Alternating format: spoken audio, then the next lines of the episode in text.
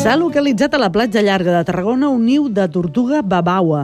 El naixement d'aquestes tortugues es considera un fet excepcional. El canvi climàtic i les altes temperatures d'aquesta tardor podrien haver facilitat la presència d'aquesta espècie en perill d'extinció. Membres de la xarxa de rescat de fauna marina de la Generalitat estan seguint aquest episodi des de dilluns en què es van veure les primeres tortugues.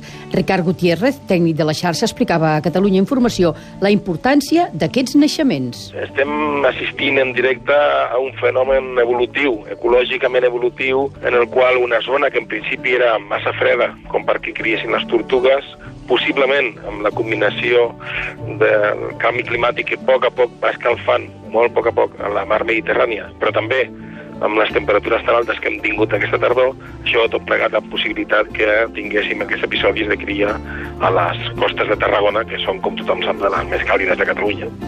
Ahir va néixer una altra tortuga que s'afegeix a la trentena de dilluns i s'ha pogut localitzar el niu. Segons Gutiérrez, això els permetrà estudiar a fons el desenvolupament d'aquesta espècie. El fet que Catalunya hagi esdevingut a partir d'ara ja una zona de reproducció natural obre un ventall molt important de possibilitats per treballar per la preservació global d'aquesta espècie que, recordem, està amenaçada d'extinció.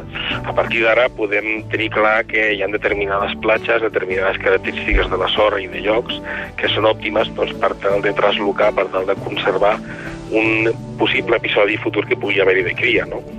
Les cries de tortuga babaua són de color cafè fosc. El color dels adults pot variar entre el cafè o el groc ataronjat i són bastant grans, pesen entre 65 i 100 quilos. Al mes d'agost ja hi va haver una posta d'ous a la platja de la Rebassada que es van desenterrar i es van traslladar a una zona més protegida del delta de l'Ebre. Les anàlisis genètiques de les restes dels ous permetrà saber si es tracta de la mateixa tortuga o són dos animals diferents.